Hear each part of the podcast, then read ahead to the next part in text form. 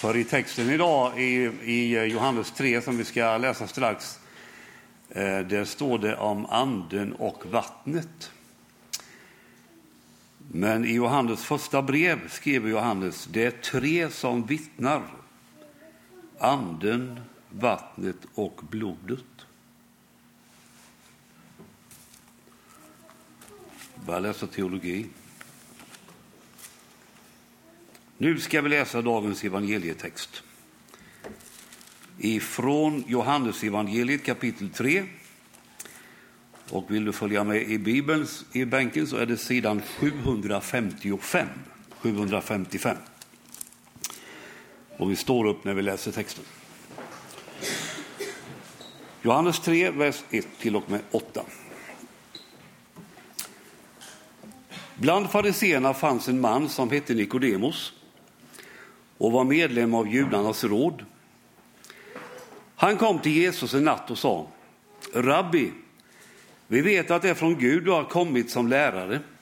Ingen kan göra sådana tecken som du utan att Gud är med honom. Jesus svarade, sannerligen jag säger dig, den som inte blir född på nytt kan inte se Guds rike. Nikodemos svarade, hur kan någon födas när han är gammal? Han kan väl inte komma in i moderlivet och födas en gång till?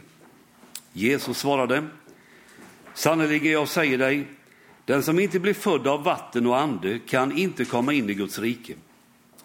Det som har fötts av kött är kött och det som har fötts av ande är ande.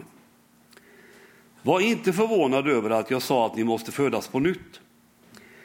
Vinden blåser vart den vill och du hör den blåsa, men du vet inte varifrån den kommer eller varit en far. Så är det med var och en som har fötts av anden. Så lyder Herrens ord. Nej men, kom igen nu. Så lyder Herrens ord. Varsågoda och sitt.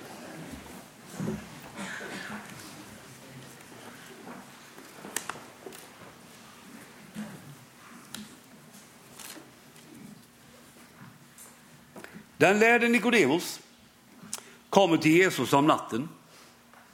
Förmodligen för att det var en tid då man kunde tala helt ostört. Nikodemos inleder samtalet med att erkänna att han och andra tror att Jesus kommer från Gud. Men Jesus tar inte tag i den tråden utan tar förmodligen tag i det som Nikodemos egentligen funderar på. Och då handlar det om Guds rike. Det är Guds rike och hur man blir delaktig i det. Det är detta som förmodligen bränner i Nikodemos. Och Jesus säger till honom, Sannerligen, jag säger dig, den som inte blir född på nytt kan inte se Guds rike. Alltså, klart och tydligt säger Jesus att om man ska ha del i Guds rike, då måste det ske en ny födelse i hjärtat. Man måste födas ovanifrån, som det också kan översättas. Vi kommer alltså inte in i Guds rike med de resurser vi har själva. Enda vägen in i Guds rike är att Gud får göra något nytt i våra liv. Den här söndagens tema är, som vi har hört redan, vårt dop. Och när Jesus talar om vatten här i texten så har Johannes som har skrivit ner detta säkert, med all säkerhet tänkt på dopet. Hur blir man född på nytt? Hur får man del i Guds rike? Ja, eftersom temat är vårt dop så ska vi först se på att det kristna dopet hör ihop med tron. I Galaterbrevet kan vi se att tro och dop hör ihop. Vi läser. Allt, alla är ni nämligen genom tron Guds söner i Kristus Jesus. Är ni döpta in i Kristus har ni också iklätt er Kristus. Tro och dop hör alltså samman. Men hur får man då tron? Så här säger Romarbrevet. så bygger tron på förkunnelsen och förkunnelsen på Kristi ord. Alltså när Guds ord, Kristi ord förkunnas, predikas, då väcks tron på detta i människans inre. Det sker därför att Guds ord är berört av anden. Och när ordet förkunnas så följer den helige ande med ordet och gör det levande. Anden följer med och planterar ordet i en människas inre. Och när det sker, då börjar tron. Detta sker gång på gång när man genom livet lyssnar till Guds ord. Men en gång börjar det för första gången. Och det är när man börjar tro på Jesus som sin räddare och Herre. Så tron, det är ingenting som vi jobbar fram själva. Det är en gåva från Gud, en gåva som vi får säga ja eller nej till.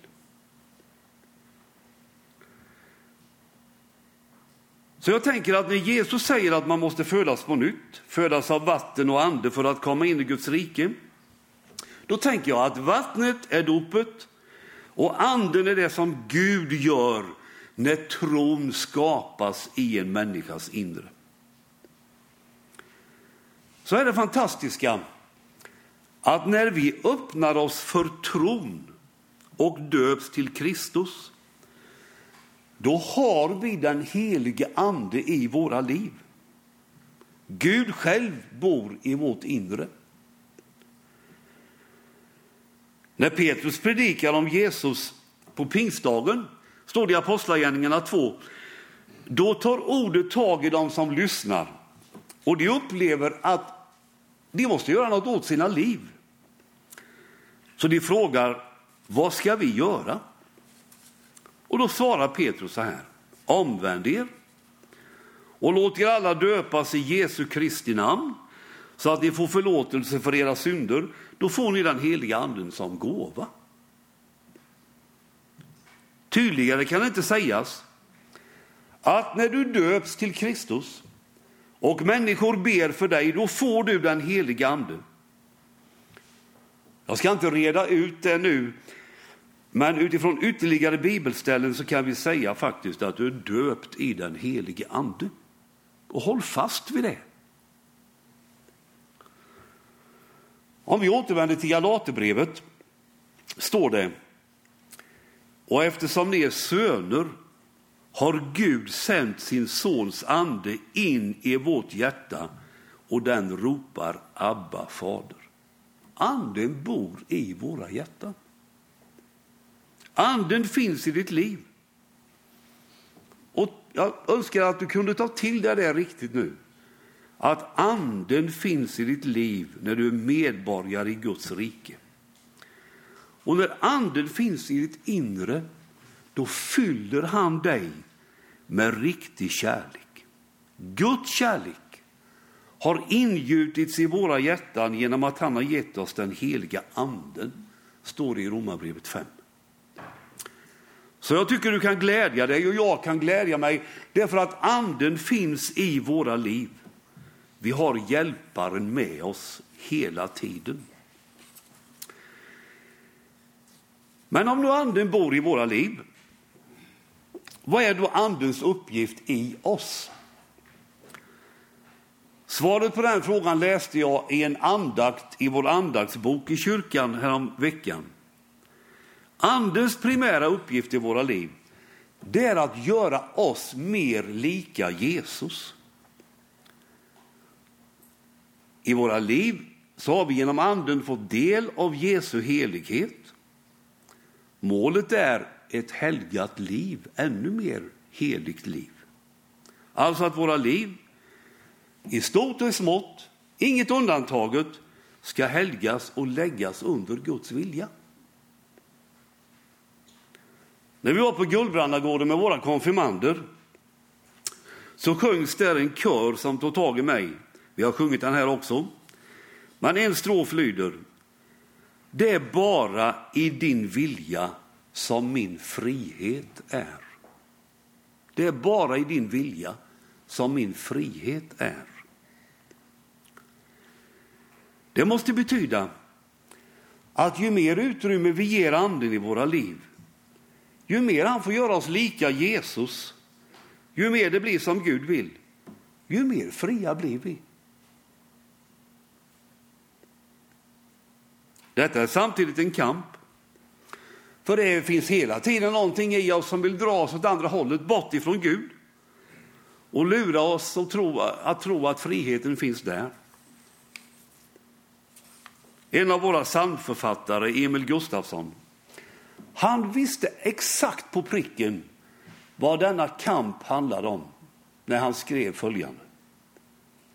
Ett stilla barnahjärta man får ej hur som helst. Det går ej utan smärta att bli så genomfrälst. Det kostar tåreströmmar förrän jag helgat så att alla mina drömmar i Jesu anda går. Så skriver den som känner sin egen brustenhet, sin egen synd, men som längtar efter att bli mer lik Jesus.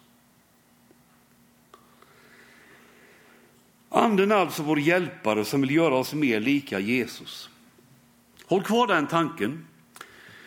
För vi återvänder till dopet för att hitta riktigt rätt här nu.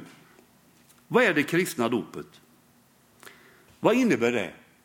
Jo, det innebär att man blir döpt till gemenskap med Kristus. Och som eh, vi hörde för en stund sedan i Romarbrevet 6 så har vi blivit döpta in i Jesu död och i hans uppståndelse. Alltså dopet innebär att vi blir så förenade med Jesus som att vi själva hade dött. Och dopet innebär att vi får del av hans liv som han har i uppståndelsen. Så dopet pekar på att vi är i stort behov av det Jesus gjorde på korset, när han dog för oss. Men det finns det en risk här. Lyssna. Risken är att vi tänker att dopet gjorde jag en gång och det är passerat. Och nu lever vi med anden som ger oss liv och, och, och, och över nog liksom. Men sanningen är ju den att även om anden bor i oss så får vi fortsätta att kämpa mot det som vill dra oss bort från Gud. Vi lever med frestelser. Vi är fortfarande smittade av det onda. Och vad är det vi då måste tänka på? Jo, att dopet inte är ett passerat stadium, stadium utan att det hela tiden handlar om att leva i sitt dop. Dopet är ingen punkt. Det är en linje. Och att leva i sitt dop innebär att gång på gång komma tillbaka till Jesus få ny förlåtelse, ny kraft och låta varje dag bli en ny början.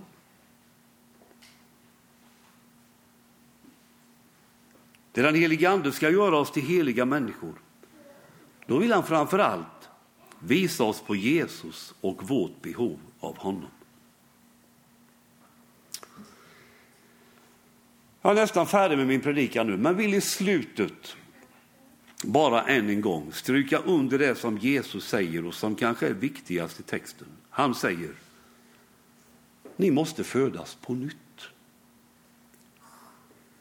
Och då blir frågan för oss var och en, är jag född på nytt?